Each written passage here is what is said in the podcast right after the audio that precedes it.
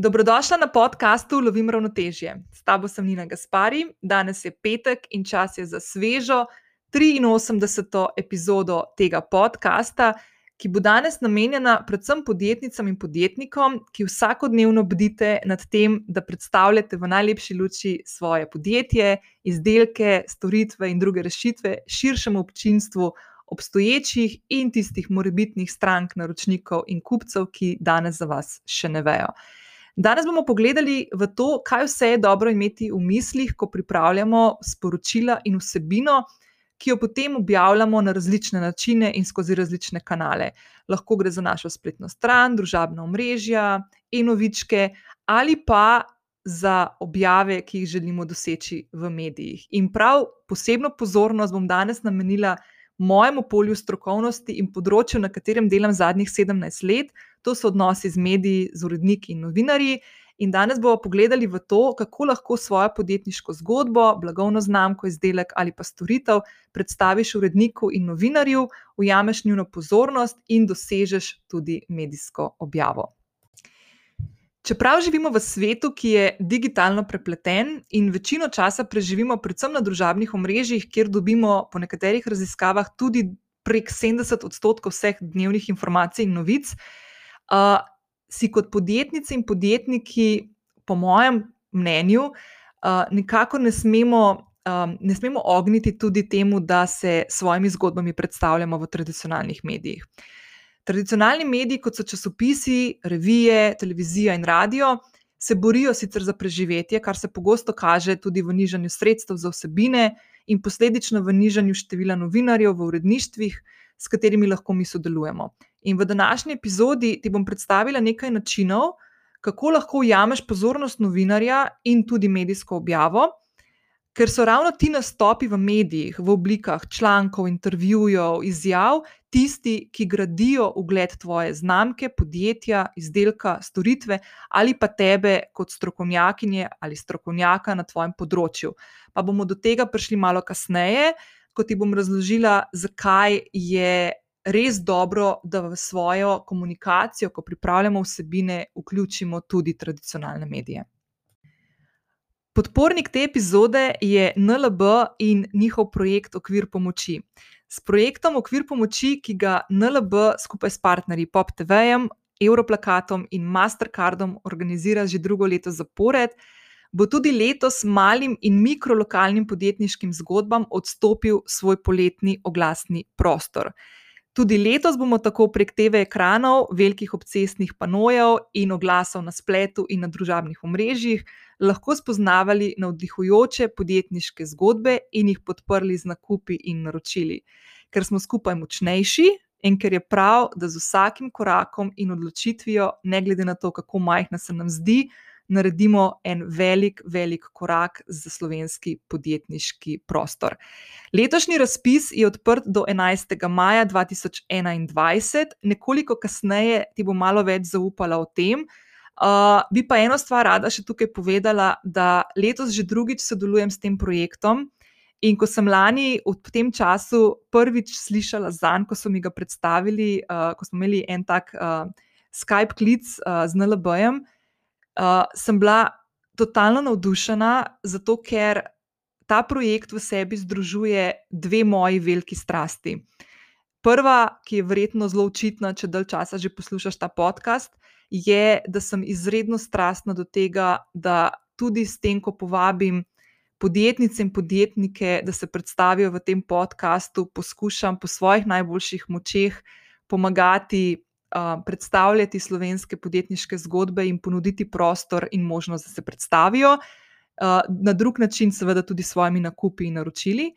In druga strast, s katero sem povezana zadnjih 17 let, je, da sem izredno strastna do tega, da delam z novinarji, mediji, uredniki in da veliko pozornosti usmerjam v to, da poskušam izobraževati tudi moje naročnike, kako pomembno je, da skupaj.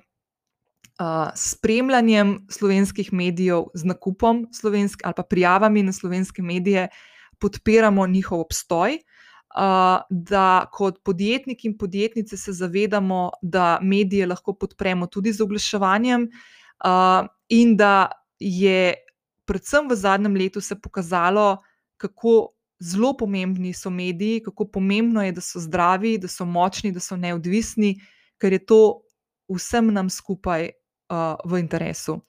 Uh, zato sem res vesela, da NLB z okvirjem pomoči nadaljuje tudi letos uh, in daje možnost vam, drage podjetnice in podjetniki, da se tudi vi predstavite v poletnem času s uh, svojimi zgodbami nam, kupcem uh, v Sloveniji, po celi Sloveniji, uh, da nas navdušite in da nam pokažete, kako pomemben in močen je slovenski podjetniški duh. Preden pa skočiva in pogledava, kaj vse sem ti danes pripravila na, na temo, kako nagovoriti novinarja, ujeti njegovo pozornost in mu ponuditi svojo podjetniško zgodbo, da jo predstavi v mediju, ki ga nagovarjaš, te vabim, da če še nisi prijavljena na podcast Lovim ravnotežje, to lahko storiš zdaj prek aplikacije, na kateri trenutno poslušaš to epizodo. Vedno sem vesela tudi ocen in mnen, ki mi jih lahko pustiš na podcast aplikaciji ali pa se mi oglasiš v zasebno sporočilo na Instagramu. Mimo grede, blazno vesela sem eh, in hvaležna vsakemu, ki prek svojih eh, Instagram storijev deli, eh, da posluša kakšno epizodo in vedno, če me označite, tudi delim te stvari naprej. S prijavo oddajo ocene in mnenja na aplikaciji, pri kateri poslušaš ta podcast, pomagaš, da zanj slišijo tudi tebi podobne ženske in moški. In kot vedno, te spodaj v opisu čaka kar nekaj povezav danes. Uh, bom nekoliko kasneje še povedala uh, v, znotraj teme, ki sem jo danes predstavila, katere so te povezave, ampak kot vedno, vse te povezave najdeš tudi na zapisu epizode, ki je na moji spletni strani. Uh, in uh, vse stvari, ki jih bom danes omenila, vključno z razpisom, kje se nahaja, kje lahko vidiš, kako se prijaviš na okvir pomoči, vse te stvari so vključene v zapis epizode. Ok, to je to, uh, najboljše, da kar skočiva v današnjo epizodo. Preden začneva in konkretneje pogledava, kako lahko tudi ti svojo podjetniško zgodbo pristopiš do novinarja ali pa novinarke. Uh, Uh, bi rada ene par stvari takih povedala, ki jih imam vedno v glavi, ko razmišljam o tem, ko predstavljam svojo, svoje delo, svojo strokovnost. Imam vedno v glavi mojo babico Menči, mojo mamo Menči, uh, kako bi njej predstavila um, to temo. Uh, tako da za vse tiste, ki vam je kristalno jasno, kaj je PR oziroma odnosi z mediji, kakšna je tukaj razlika z oglaševanjem ne mi zameriti. Uh, jaz bom šel zdaj en korak nazaj, zato da bomo res začeli to epizodo uh, na, na razumevanju teh pojmov, uh, ker bo potem veliko lažje slediti vsebini, ki sem jo pripravila. Uh, najprej poglejmo nekaj takih ključnih pojmov in razlik v oblikah vsebin, s katerimi mi lahko sodelujemo uh, z mediji. Zdaj bom zelo skrajšala stvari, mediji so zelo kompleksni, ampak za naše trenutno razumevanje in za, uh, za to, da se naprimer, odločiš in prvič nagovoriš novinarja, bo tole čist dovolj. Zdaj, prva oblika vsebin, ki jo lahko ponudimo, oziroma s katero lahko sodelujemo z mediji, so oglasi. Mislim, da to je vsem jasno, kako te oglasi izgledajo. Uh, V praksi to pomeni, da se odločimo, da bomo pri izbranem mediju uh, zakupili oglasni prostor ali čas, če gre za televizijsko ali pa radijsko postajo, in na to medij predvaja to našo vsebino, ki jo mi pripravimo, v posebej določenih in zelo jasno ločenih delih njihovega programa oziroma postavitve, če gre za nek tiskan medij. To pomeni, naprimer, da če gledamo program Pop TV, se bo, naprimer, če boste uh, sodelovali na okvirju pomoči ne, in se predstavljali s TV oglasi v letošnjem poletju, ker jih bo na LB lepo odstopil uh, uh, vam, podjetnikom in podjetnicam, to pomeni, da naprimer, znotraj oddaje 24 ur se naredi ena taka razmejitev, ko gre na oglasni blok in znotraj tega oglasnega bloka, zato da gledalec ve, kdaj se začne oglasna vsebina in kdaj je novinarska oziroma uredniška vsebina da, da pač razume to, to razdelitev. Ne. To je blazno pomembno in tudi zakonsko zapovedano, da te stvari morajo biti la, jasno ločene. To isto pome, po, po, predstavlja tudi, naprimer, uh, v tiskanih medijih, naprimer, da se pojavljajo oglasi na celi strani, oziroma če se pojavljajo v obliki tekstovnih oglasov, da je jasno navedeno, da gre za promocijsko sporočilo, in tako naprej.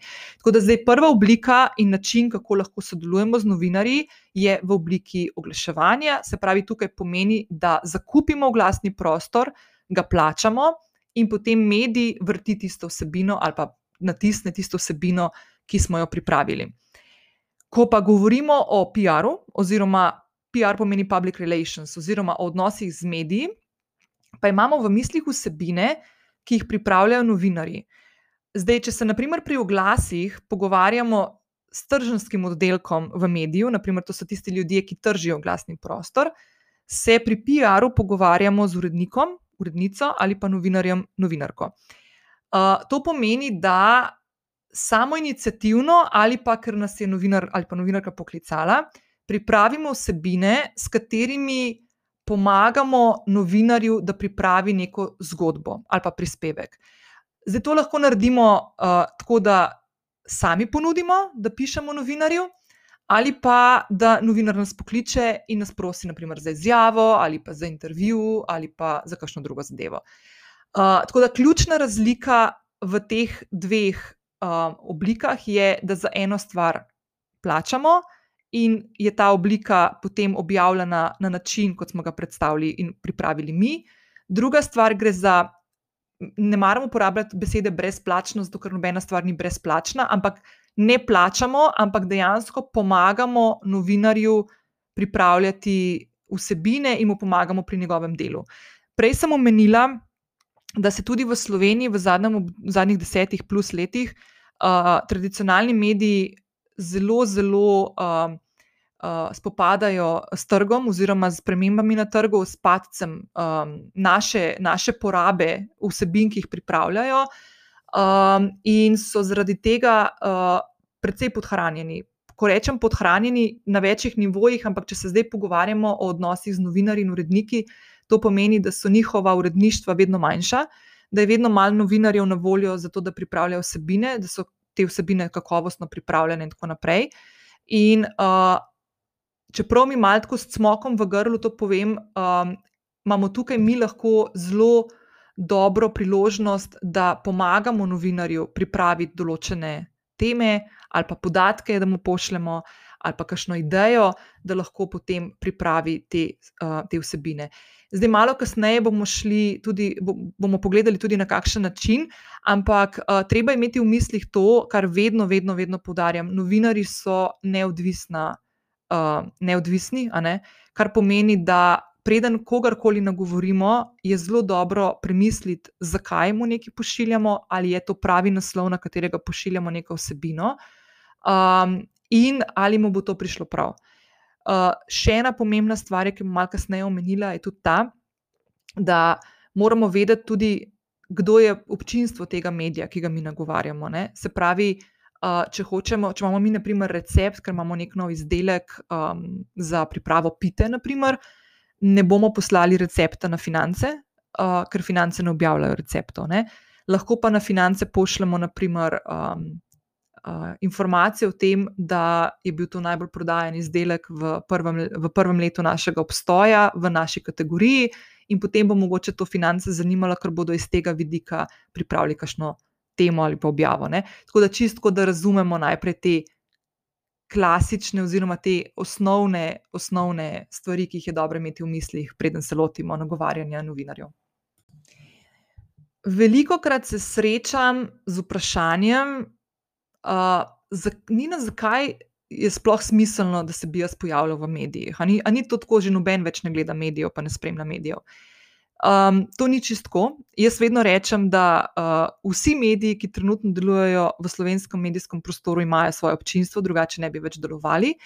Uh, in če mi sami ne gledamo in ne spremljamo novic ali pa medijev, to ne pomeni, da jih spremljajo tisti, ki jih želimo mi nagovoriti, ki so naša ciljna publika. Uh, Zdaj, zakaj je za tvoje podjetje in za te kot podjetnico ali pa podjetnika pomembno, da se pojavljaš v medijih skozi uh, uredniške vsebine, se pravi skozi vsebine, ki jih skupaj ali pa pomagaš pripravljati z novinarjem, je, da ko se pojavljaš v medijih, več ljudi izvezate oziroma za tvojo podjetniško zgodbo. Se pravi, ta element tega, um, uh, kako se reče, tisti, uh, ki se dereš v megafona. Tisti, pravi, megafon je bistveno večji in širši, kot so naprimer tvoji kanali, ki jih uporabljaš, pa ne gre za spletno stran ali pa za družabna omrežja. enovičke, podcast, karkoli tazga počneš uh, v sklopu svoje podjetniške zgodbe. Uh, prek medijev se gradi kredibilnost, kar pomeni, da več ljudi bo zaupalo tebi, tvojemu podjetju in tvoji blagovni znamki. Um, način, kako ljudje dojemamo vsebine, ki jih vidimo v medijih, je zelo različen. Uh, ko vidimo oglase, razumemo, da so ti oglasi promocijski, se pravi, da je oglase zakupilo in pripravilo podjetje, ki se v tem oglasu predstavlja. In imamo neko kritično držo do teh vsebin. Do vsebin, ki jih pripravljajo novinari, imamo malo širše polje te kredibilnosti se odpre. Se pravi, če novinar pripravi nek intervju ali pa članek v svojem mediju, mi to dojemamo kot novinarski prispevek oziroma novinarsko delo. Um, jaz bi tukaj rada poudarila, da če mi sodelujemo z novinarjem pri pripravi nekih vsebin, uh, to ne pomeni, da bodo te vsebine zdaj ful promocijske ali pa lažne ali kar koli, kar se zdaj v zadnjem času ful srečujemo s temi lažnimi novicami in tako naprej. Ne gre za to, gre za to, da tukaj gre za en tak presek med tem, da novinar vedno potrebuje in je na lovu za dobrimi zgodbami, mi pa si želimo priti v medije, zato da bo, kot sem prej rekla, za nas zvedelo še več ljudi. Um, lahko objave v medijih, neko konstantno um, objavljanje in, in pojavljanje v medijih, prinese konec koncev tudi več kupcev, ker bo več ljudi slišalo za te uh, ali pa za svoj, tvoj izdelek, rešitev in tako naprej. Um, skozi te objave oziroma vsebine, ki se jih pripravlja za medije, se lahko kažejo tudi te točke razlikovanja uh, do konkurenčnih rešitev, izdelkov ali pa storitev, ki so na trgu. Se pravi, da lahko skozi to pozicioniranje v medijih več ljudi razume in spozna, v čem je tvoja znamka ali pa tvoje podjetje različno in drugačno od drugih. Zdaj, tukaj je še en kup enih drugih stvari, ki so tudi pomembne, naprimer prek medijev, naprimer kakšnih daljših člankov ali pa intervjujev, tudi lahko izobražujemo. Uh, če bomo iskali kredit na banki, je to dobra priložnost, da pokažemo, da smo tudi zanimivi medijsko in tudi te stvari lahko vplivajo uh, na, na možnost, da dobimo kakšno, uh, kakšno, kakšen kredit. Potem uh, pojavljanje v medijih vpliva, sploh v spletnih medijih, zdaj govorim, vpliva tudi na to, kako se mi pozicioniramo z našo spletno stranjo na brskalnikih, da imamo boljši, uh, boljši organsko, boljše organsko mesto. Uh, temu se reče CEO, se pravi uh, Search Engine Optimization. In ne na zadnje, ko bomo zaposlovali, ali pa če že zaposlujemo, s tem, ko se pojavljamo v medijih, krepimo tudi blagovno znamko zaposlovalca, se pravi, da si bo več ljudi želelo delati z nami pri nas in se bodo zaradi tega prijavljali tudi kakovostnejši ali pa bolj kredibilni, usposobljeni. Strokovni kadri, ki bodo absolutno želeli biti pri nas zaposleni. Ko pripravljamo neko um, strategijo ali pa nek načrt, kako bomo nagovarjali medije, je fino pogledati tudi v to, kakšne vrste medijev poznamo. Um, prva taka oblika, ki jo je za omeniti, so tiskani mediji. Sem sodijo dnevni časopisi, ki imajo naprimer nacionalni doseg, to so naprimer delo ali pa dnevnik, regijski časopisi, naprimer večer, primorske novice, ali pa lokalni časopisi, to je lahko naprimer celjan ali pa dolenski list, ta je bolj regijski. No? Potem so tukaj revije, uh, Mladina, uh, Reporter in tako naprej. Brezplačniki, to so City Magazine, City Life, ki jih vidite, ko hodite po mestih ali pa ko greste iz kakšne trgovine, ga lahko vzamete. Potem so lahko priloge tiskanim medijem, to je lahko sobotna priloga, dnevnikov objektiv ali pa ona, Nika. Mesečniki, to je naprimer Kozmopolitan ali pa Playboy, je bil včasih, zdaj ga ni več, nažalost, na slovenskem trgu. Um, lahko so naprimer neke lifestyle vsebine, naprimer L, ki sta, uh, revija, ki izhaja vsake dva meseca. Potem so lahko naprimer kakšni taki strokovni, bolj strokovno ali pa nek panožni mediji, ki naprimer imajo poudarek, ne vem, naprimer na finančnem področju so naprimer finance tiste ključne. Uh, zabavne vsebine, naprimer, je story, pol so naprimer gospodarske, bolj podjetniške vsebine, menedžer, uh, in tako naprej. Potem imamo lahko tukaj še neke mladinske ali pa kulinarične, glasbene, tehnološke medije, se pravi po nekih tematskih področjih. Um, zdaj, vsem skupaj našteto je to, da moramo mi zelo dobro poznati tudi, kdaj izhajajo in predvsem, kdaj je treba oddajati stvari. Pa ne gre za oglase ali pa za to, da boš, naprimer, ker imaš nov izdelek, želela nagovoriti en medij, kdaj je fino poslati vas material, se pravi, neke fotografije ali pa neko vsebino tekstovno, zato da se bo ujelo tisto številko. Potem naslednja oblika, uh, vrsta medijev so elektronski mediji, sem sodita radio in televizija. Uh, tudi tukaj je podobna razdelitev, kot je bila pri tiskanih medijih. Poznamo naprimer nacionalne programe, kot je naprimer Val 202 uh, ali pa naprimer regionalne, naprimer Radio Antena Štajerska, uh, Radio Kaprijske na, na obali. Pri televiziji je zgodba podobna. Imamo televizijske programe, ki jih sicer lahko razdelimo po dosegu ali pa načinu delovanja. Naprimer, poznamo nacionalne programe, to je Televizija Slovenija, ali pa komercialne, Pop TV, Kanal A, Planet TV in tako naprej. Um, zdaj, pri obeh teh uh, televizijskih medijih in pri radijskih medijih imamo lahko tudi različne oddaje ali pa neke specializirane formate, ki jih obda, izdajajo, niso samo novice, ni samo 24 ur, naprimer, ni samo dnevnik ali pa odmevi, ampak imamo naprimer tudi Dobro jutro na televiziji Slovenija, ali pa imamo oddajo Focus, ali pa oddajo Preverjeno, ali pa kakšno rubriko, ki ima naprimer svet na kanalu A. Potem imamo naprimer na valu 202 en kup enih oddaj. Uh, ki so lahko zanimive za nas, imamo nedeljskega gosta, imamo naprimer odbita do bita, ki je Maruša, uh, uh, urednikuje, ki je že bila gostja v tem podkastu. Potem, če imamo kakšne zabavne teme, naprimer pop in znotraj 24 ur in tako naprej.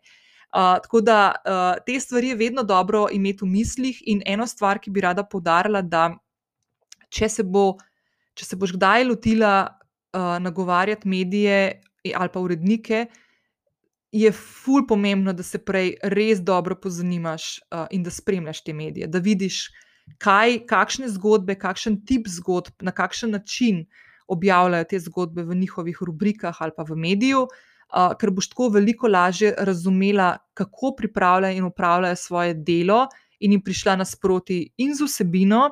In z načinom, kako podaš to vsebino, ali je to zdaj video, ali so to infografike, ali so to fotografije, ali so to kratke izjave, in tako naprej.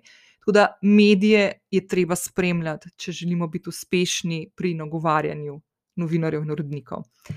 Zdaj, ta druga, oziroma ta tretja vrsta uh, medijev so pa spletni mediji.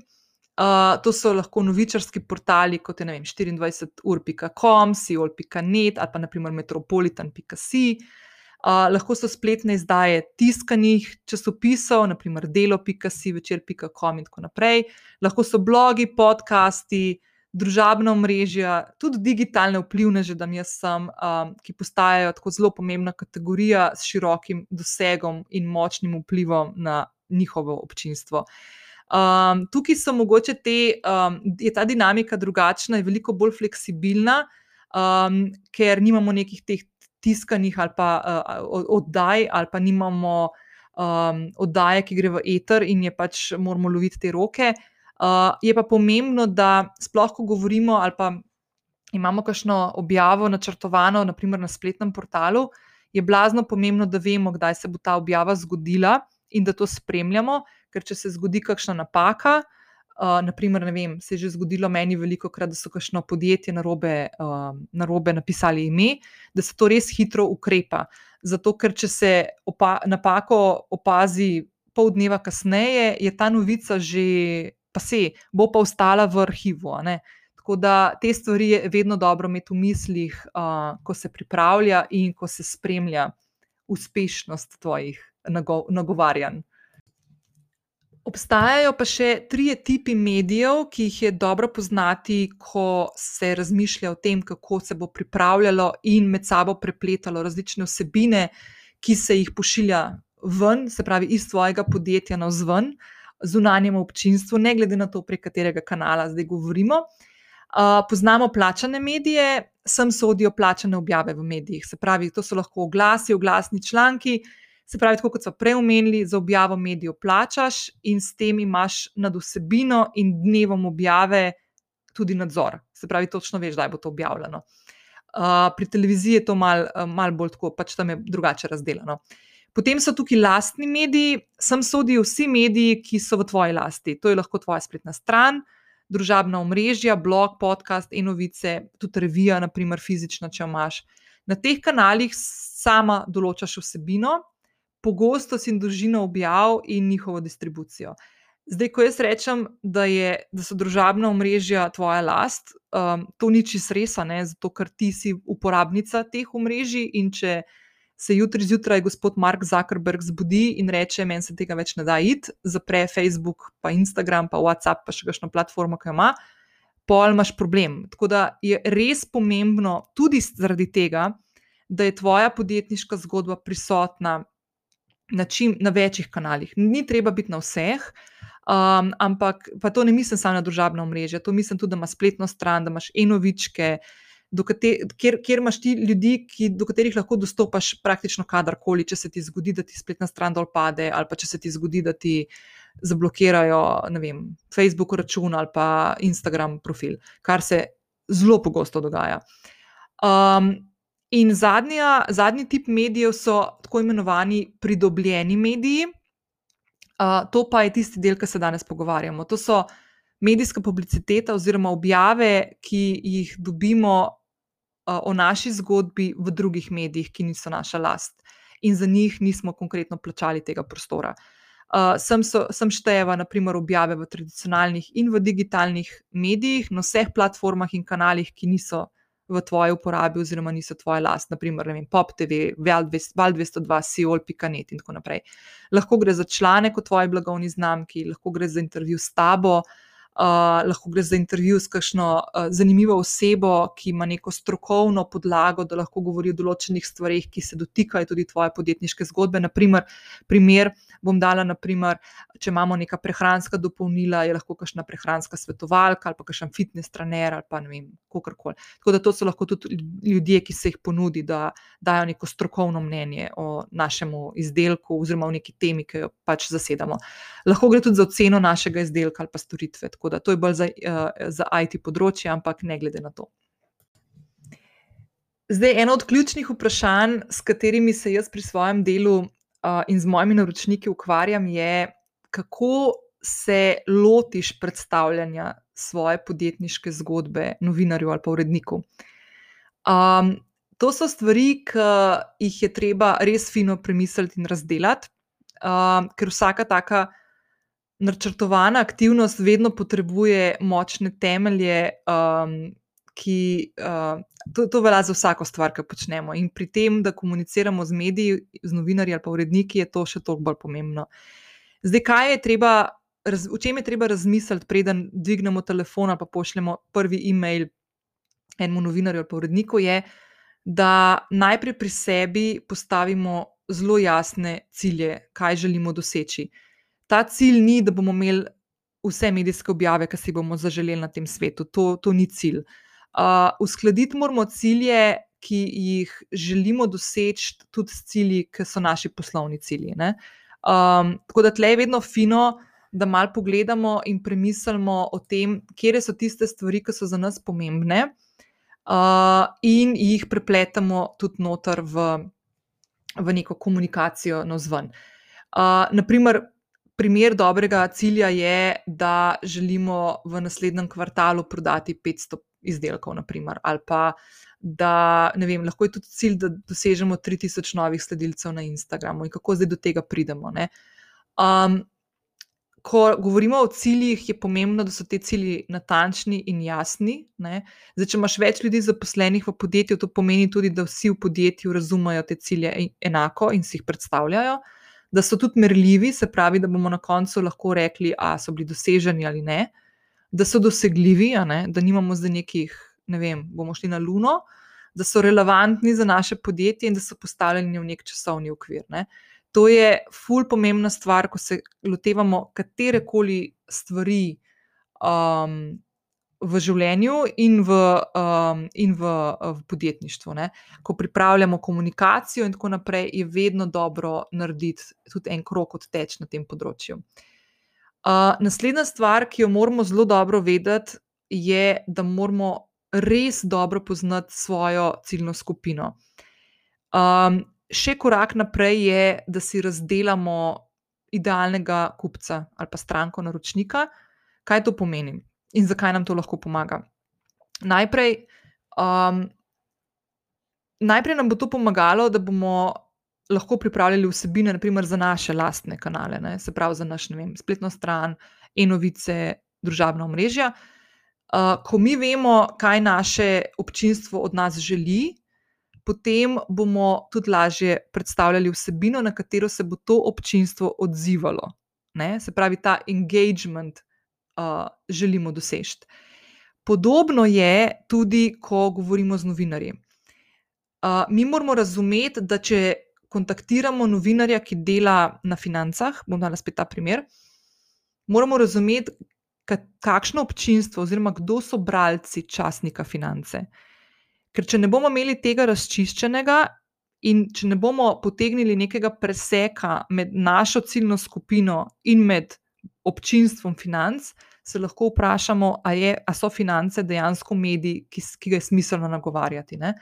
Ali so v občinstvu bralcev financ tudi naše stranke, kupci, naročniki, oziroma ljudje, ljudje ki jih želimo nagovarjati. Um, kaj je dobro vedeti o tvoji ciljni skupini, je vse, čim več stvari. Uh, jaz grem včasih tako daleč, da imam vaje z mojimi naročniki, da pridemo tudi do tega, da si predstavljamo, naprimer, če imamo žensko, da kašen lak za nohte ima gor. Zdaj, jaz ne bom konkretno šla v te detajle, ker to je, po mojem, tema, ki bi jo lahko razdelila v 16 epizodah. Um, ampak uh, res je pomembno tudi med drugim, da vemo, naprimer, um, katere medije spremlja naše občinstvo, zato ker bomo potem lahko tudi lažje pripravljali kakšen plan, katere medije bomo mi nagovarjali. Ne. Tako da tle se stvari ful križajo. Um, kaj hočem vedno nekako poudarjati, predvsem podjetnicam in podjetnikom, ki ste na začetku neke svoje poti, ali pa imate manjše ekipe in nimate, naprimer, človeka v podjetju, ki je zadolžen za pripravo teh komunikacijskih uh, vsebin, ali pa nimate agencije, ki bi vam to pripravila, nekega zunanjega svetovalca. Da vedno poskušam uh, pripravljati stvari na način, da so tudi časovno zoptimizirane. Ne?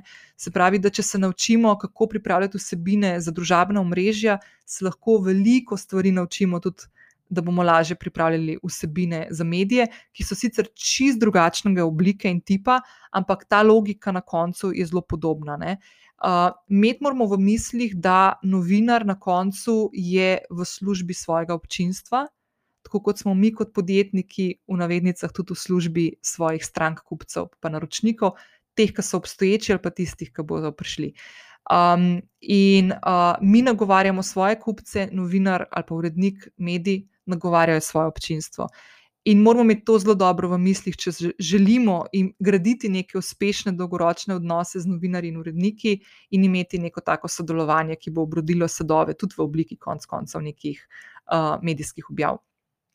Uh, še ena stvar, ki je blazno pomembna, je, da znamo postaviti jasen kontekst uh, za svojo vsebino, ki ga bo pač ciljna skupina ali pa občinstvo medija, ki ga nagovarjamo, razumelo. Uh, in potem seveda, čist na koncu, ne, da sestavljamo ključna sporočila in vsebine, uh, s katerimi se predstavljamo. Ali predstavljamo izdelek, storitev, nas, podjetje, um, kakšno novost na trgu, in tako naprej.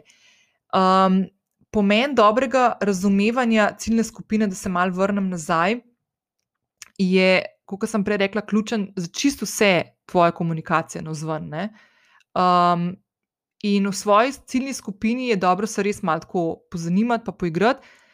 Način, kako lahko zveš več v svoji ciljni skupini, je, če imaš Instagram, lahko tudi narediš anketo na storju. Uh, lahko narediš anketo in jo objaviš in prosiš ljudi, da grejo izpolniti. Jaz sem to, na primer, naredila pred letom in pol in sem dobila 250 izpolnjenih anket, in te odgovori iz teh anket meni še danes pomagajo pri pripravi vsebin, tudi za podcast.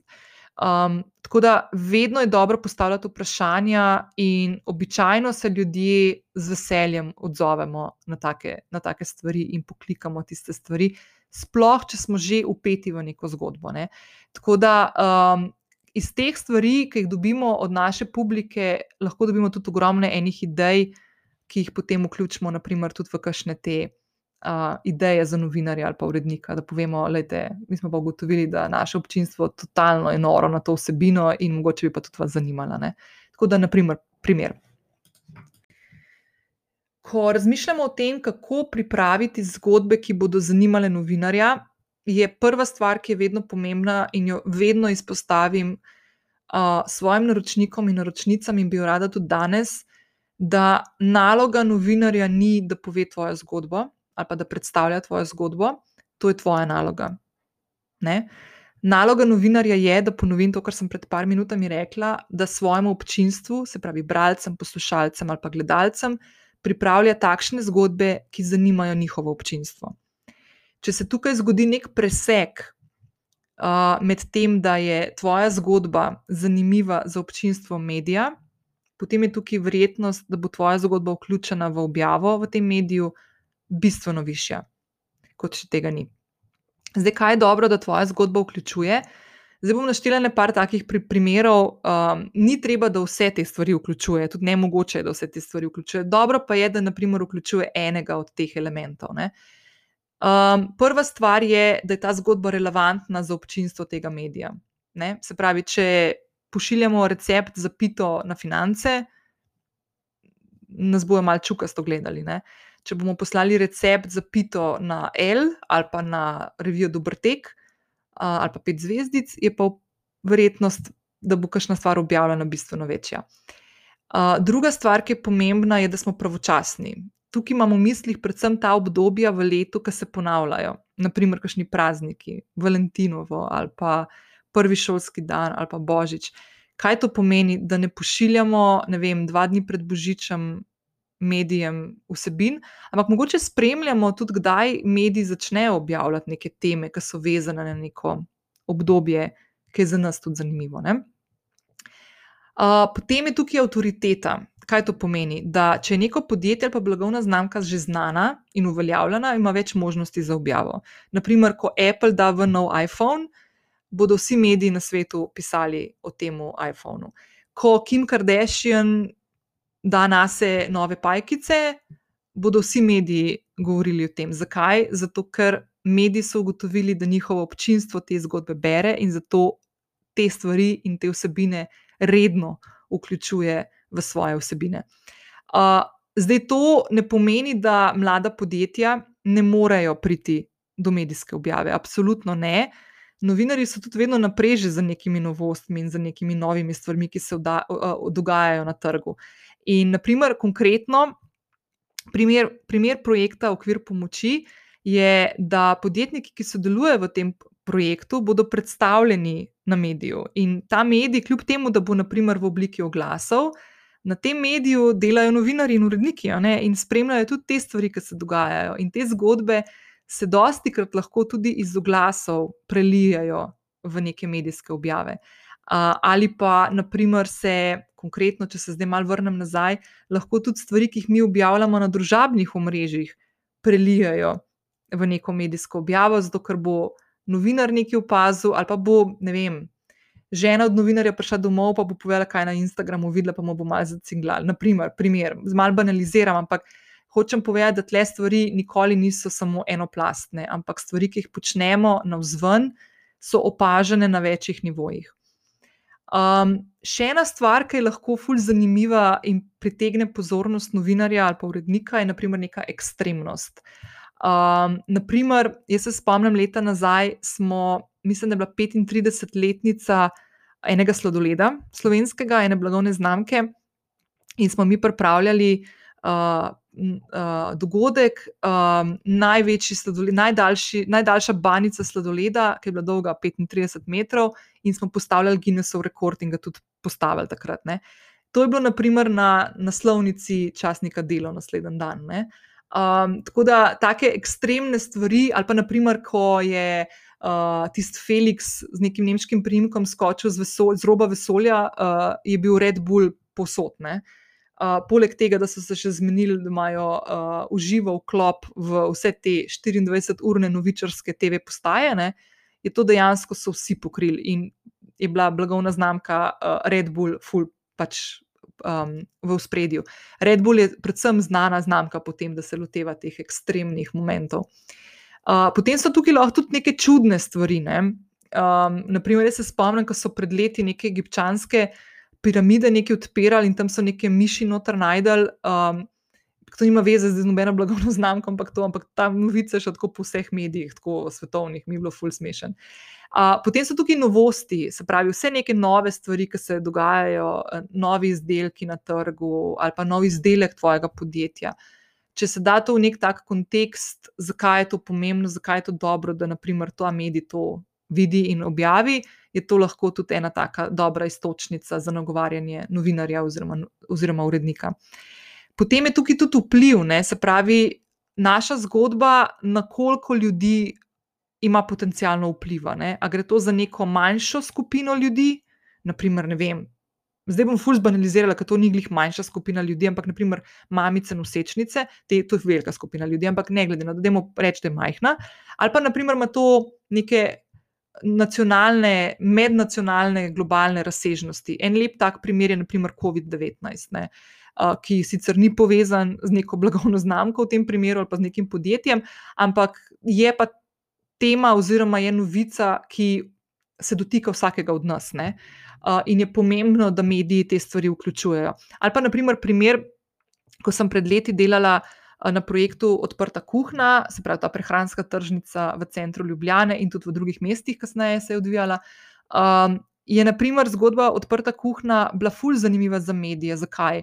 Um, zato, ker je bilo, to, šlo je za izredno popularen projekt, ki je vsak petek na Pogačarjev trg v centru Ljubljane pripeljal ogromno obiskovalcev. In si dejansko medij ni mogel v navednicah privoščiti, da ne bi, naprimer, objavil, kdaj, katerega dne se bo začela nova sezona odprte kuhne, ne? ko smo dali, naprimer, sporočilo za medije ven. Um, tako da um, to, so, to so take stvari, ko se nam zgodi, naprimer, projekt, ki ima tako razsežnost, kot naprimer je bila odprta kuhna, no in še vedno. Uh, uh, je to ena taka uh, res, res, res bogata, bogata izkušnja, oziroma je bogatstvo, ki ga ima ta blagovna znamka ali pa projekt podjetja. Zdaj, naslednja stvar je tudi lokacija. Ne? Če mi delujemo ali pa imamo neko stvar, ki je vezana na neko lokacijo, pa rečemo, naprimer, da je to velenje, naprimer, je nesmiselno, da nagovarjamo primorske novice. Ne? Potem delamo v bistvu bolj kot ne z nekimi lokalnimi mediji, ali pa nekimi regionalnimi, in ukolikor naše podjetje je fully uspešno na nekem lokalnem področju, regionalnem področju, tudi opcijsko, seveda, nacionalnejše medije. Um, močna mnenja so zelo popularna. Ko rečem močna mnenja, gre za ljudi, ki so že, nek, pre, že prepoznani v nekih okoljih in ko nekaj rečejo, uh, to odmeva potem tudi v drugih medijih. Um, naprimer, primer Zdaj, en tak banalen primer. No. Uh, ko je pred leti Barbara Streisand, pevka ameriška, rekla nekaj o Michaelu Jacksonu, mislim, da na Twitterju celo zapisala, um, da ona ga je pa poznala in da ne verjame tem zgodbam, ki so kasneje prišle o tem, uh, uh, o njegovem življenju ven, je to sprožilo tako plas medijskih objav. Um, naprimer, pri nas primer, ko nek pravnik, ugleden, nekaj pove, je lahko to dobra istočnica tudi za neko medijsko stvar. Ne? In zakaj to govorim, zakaj je to pomembno tudi za tebe? Ker vsak od nas ima potencialno možnost in prostor, da se oblikuje v neko strokovno usposobljeno, oziroma strokovnjaka na nekem področju, na katerem ti delaš.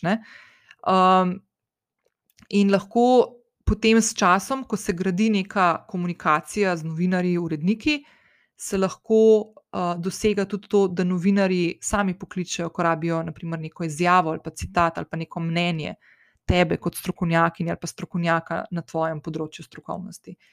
Uh, in tle, še ta zadnja je ta strokovnost, ne? se pravi, tle se prepleta z močnim mnenjem in strokovnostjo, ko dajemo neke te izjave. Zdaj, še ena stvar, ki je fulj pomembna, ko se pogovarjamo o tem, kaj je dobro, da vključuje tvoja zgodba, ko jo želiš predstaviti, oziroma zgodba, s katero želiš nagovoriti novinarja, je, da ta zgodba vključuje novičarsko vrednost. Zdaj, novičarska vrednost je vse, s čimer lahko ujamemo pozornost novinarja. Ne? To je zdaj en kup enih načinov, uh, na katere lahko lovimo to pozornost. Uh, bom pa jaz v zapisu epizode na moji spletni strani, te že čaka, uh, dodala še povezavo do ene brezplačne e-knjižice, uh, kako svojo zgodbo nagovoriti novinarja in ujeti njegovo pozornost in njen naslov. In vanjo sem vključila deset nasvetov, uh, ki jih tudi jaz uporabljam in ki jih učim tudi svoje naročnike in naročnice, uh, ki so mi v zadnjih 17 letih uh, se izkazali za tako najbolj učinkovite. Pa na koncu te brezplačne e-knjižice je vključen še primer uh, e-sporočila, ki ga pošlješ novinarju ali uredniku, na kakšen način ga strukturirati, uh, na kaš, ka, kakšne stvari vključiti v, ta, v to sporočilo, da bo, da bo na koncu pritegnilo um, pozornost in da te mogoče kontaktira nazaj in reče: Ja, ja mene pa to zanima, da je vas zmen, kaj imaš še kaj za, pametnega zapovedati. Pa ne vem. Máš kakšen video, kakšne fotke, dobre, in tako naprej. Okay, zdaj, preden ti predstavim še nekaj idej, kako se lahko um, pripraviš in kaj lahko se pripraviš za nagovor novinarja, uh, bi ti pa rada predstavila uh, projekt Okvir pomoči. Res se mi zdi full fine in full pomemben um, projekt v našem okolju, in sem blazno vesela, da se letos odvija že drugič. Uh, in ti bom zdaj le malo predstavila, kaj dejansko je okvir pomoči in kaj na NLB-ju in s partnerji uh, PopTV-jem, Europlakatom in Mastercardom pripravljajo letos in bi utegnilo zanimati tudi tebe. Torej, če si podjetnica ali pa podjetnik, lastnica ali pa lastnik malega mikrolokalnega podjetja, se lahko do 11. maja 2021 na povezavi, ki jo najdeš v opisu te epizode in v zapisu epizode, ki te čaka na moji spletni strani, prijaviš, predstaviš svojo podjetniško zgodbo in si na široko odpreš vrata za močno medijsko izpostavitev.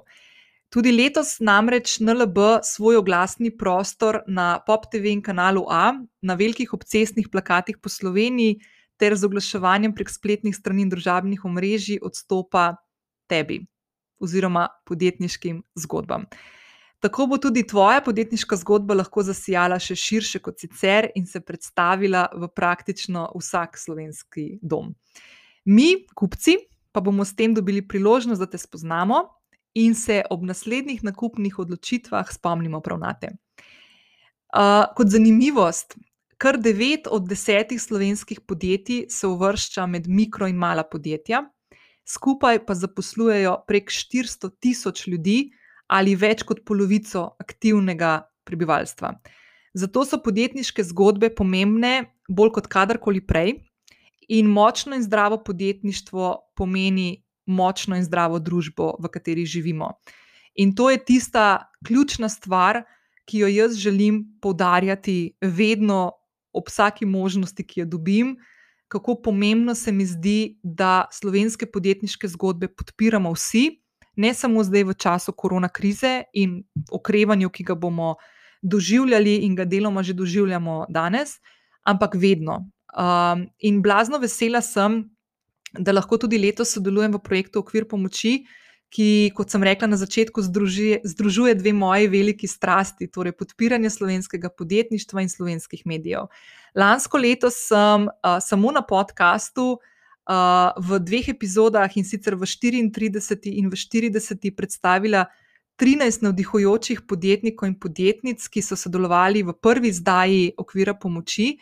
Mimo grede, iz ene te zgodbe, ki sem jo lansko leto tako spoznala, ko sem klepetala uh, z lastnikom uh, odvetniške družbe Lemur Legal, se je razvilo tudi konkretno sodelovanje, ker sem prek tega pogovora spoznala tudi Špelo in Tejo iz te odvetniške pisarne Lemur Legal, ki ste danes moji pravnici in skupaj urejamo določene stvari, ki se jih lotevam tudi v prihodnih mesecih. Uh, NLB s partnerskimi podjetji bo letos vsem, ki boste izbrani uh, v programu oziroma projektu Okvir pomoči, ponudil naslednje. Oglasni prostor na praktično najbolj gledanih televizijskih kanalih, Pop TV in kanalu A, na velikih obcestnih plakatnih površinah po Sloveniji, na spletnih straneh in na družabnih omrežjih, kjer, kot smo videli, preživimo večino časa in dobimo večino novic. Vse oglase boste lahko tisti, ki boste sodelovali, uporabili tudi na svojih kanalih, se pravi, če bo to video vsebina, boste lahko ta video delili tudi na svojih družabnih omrežjih ali pa na tistih kanalih, ki jih uporabljate.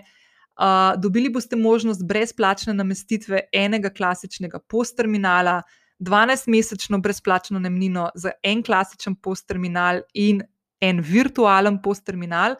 Dobili boste tudi NLB poslovno kartico Mastercard brez članarine za prvo leto in brezplačen webinar.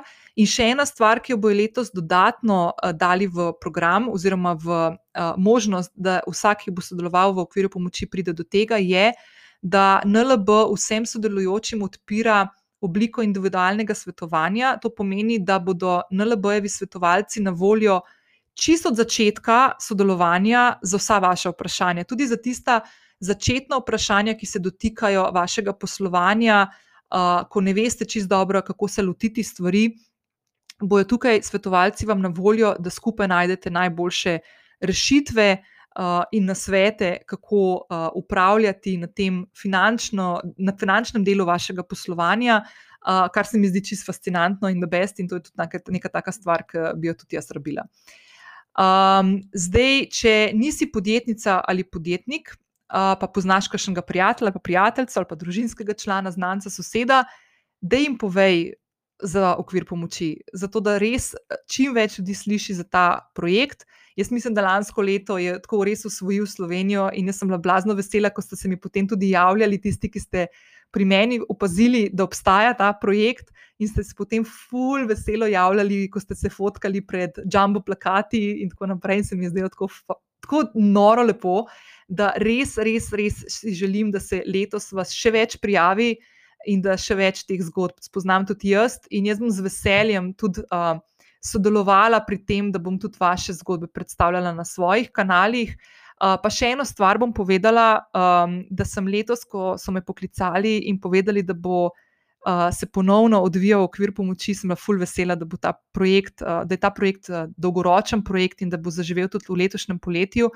In sem rekla, da bom uh, vsem, ki se boste letos vključili uh, projektu okvir pomoči, dala jaz svoj vodič za odnose z mediji, torej o temi, o kateri danes govoriva. Sem pripravila en tak res celovit vodič, ki te vodi do tega, da pripraviš vsebine, se, se pripraviš za nagovoriti novinarje in tako naprej. In jaz bom to brezplačno dala. Tako da vsak tisti, ki se bo prijavil in bo letos sodeloval v okviru pomoči, bo od mene dobil tudi ta.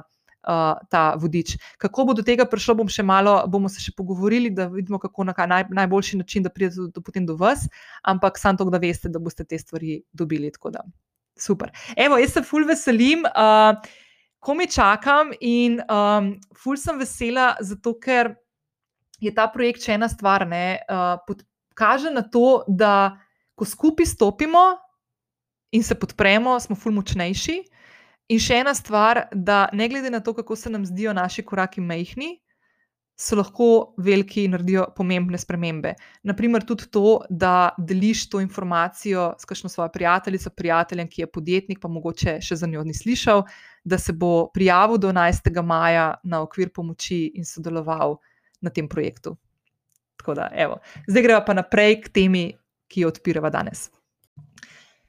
Um, še ena stvar, ki sem jo hotela tukaj danes v epizodi omeniti, pa bi si tudi zaslužila eno ali pa več epizod, mogoče kdaj v prihodnosti, je, kakšne so oblike vsebin, ki jih lahko pripravljamo za medije. Zdaj, ena najbolj, najbolj pogostih um, načinov oziroma oblik je sporočilo za medije, ki, če je dobro napisano in vključuje novičarsko vrednost, torej tisto vrednost um, ali pa informacije, s katerimi lovimo pozornost novinarja, uh, potem bomo dosegli namen, da bo ta novica tudi objavljena. Zdaj, ključni namen sporočila za medije je, da širimo pomembnejše informacije. Ne, um, ne damo sporočila za medije ven čisto vsakih priložnosti, ampak dejansko takrat, ko imamo neko novo, udarno, zanimivo ali pa pomembno informacijo. Naslednja stvar, ki je lahko kot neka oblika sodelovanja z novinarjem ali pa urednikom, je intervju. Tukaj se lahko zgodi, zgodita dve stvari.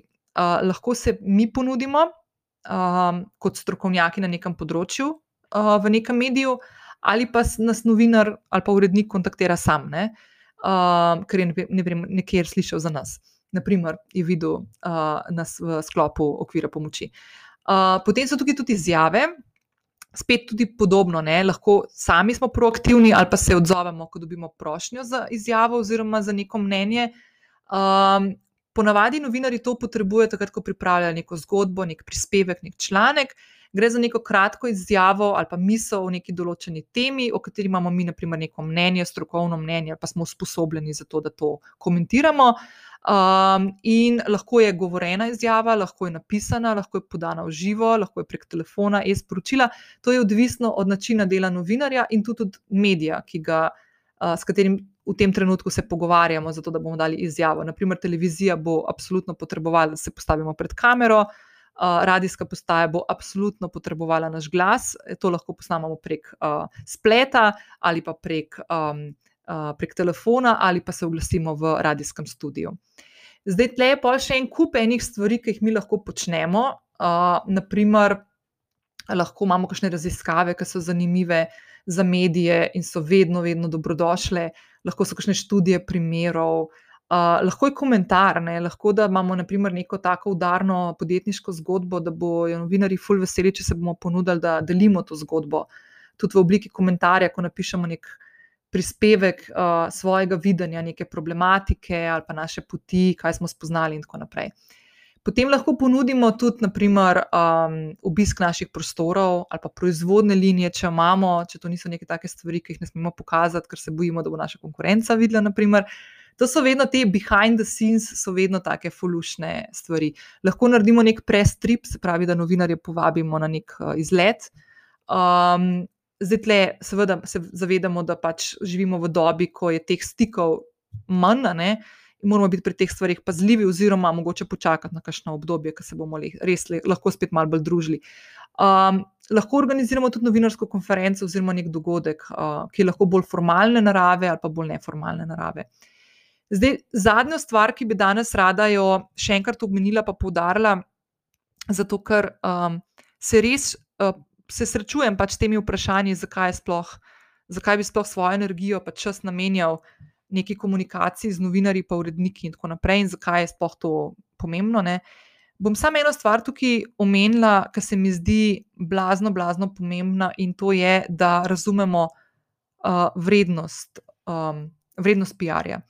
Uh, oziroma, teh objav, ki jih dosegamo v, v medijih, uh, ko se pogovarjamo z novinarji in uredniki, sprav neplačanih objav.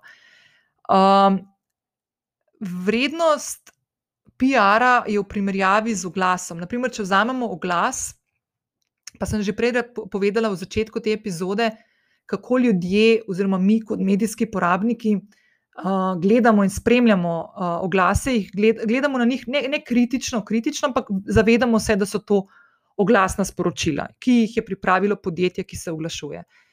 Uh, zato so te vsebine niže rangirane od vsebin, ki jih pripravljajo novinari in uredniki. Ne?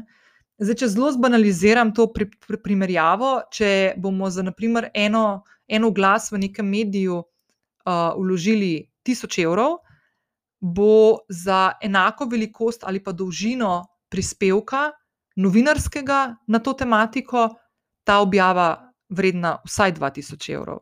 Ne? Um, zato, ker ljudje jemljemo vsebino, ki jo pripravljajo mediji, kot kredibilnejšo vsebino.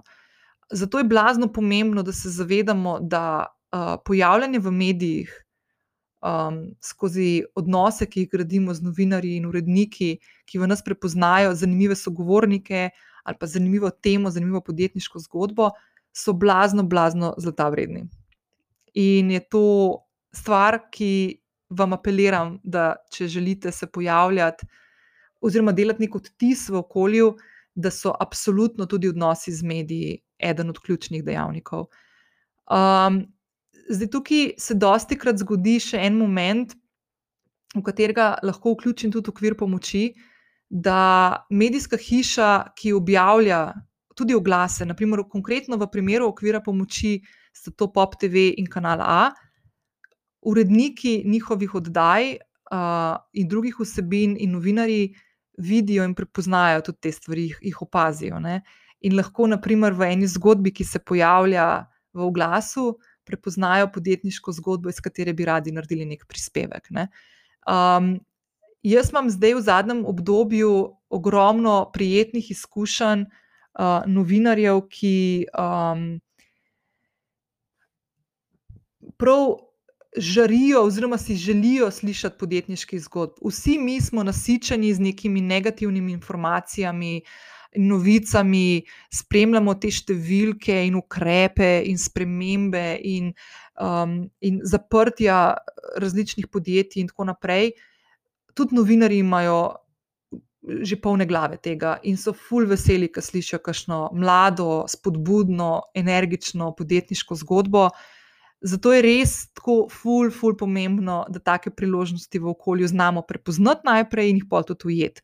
Pa ne gre za neke medijske objave, ki jih pripravimo, ali pa za neke projekte, kot je naprimer okvir pomoči.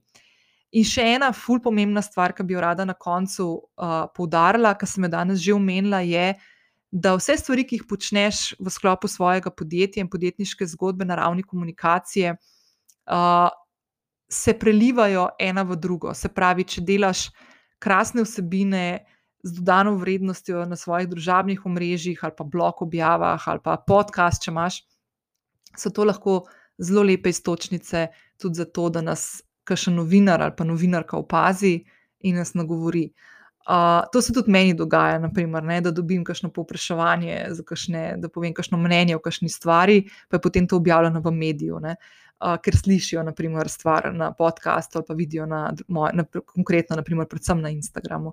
Tako da vse stvari, ki jih počnemo, se moramo zavedati, da ne glede na to, na kater kanal nekaj damo, se to lahko preliva tudi v druge kanale. In te priložnosti se lahko pojavijo, in je full fine, da jih znamo na pravilen način ujeti.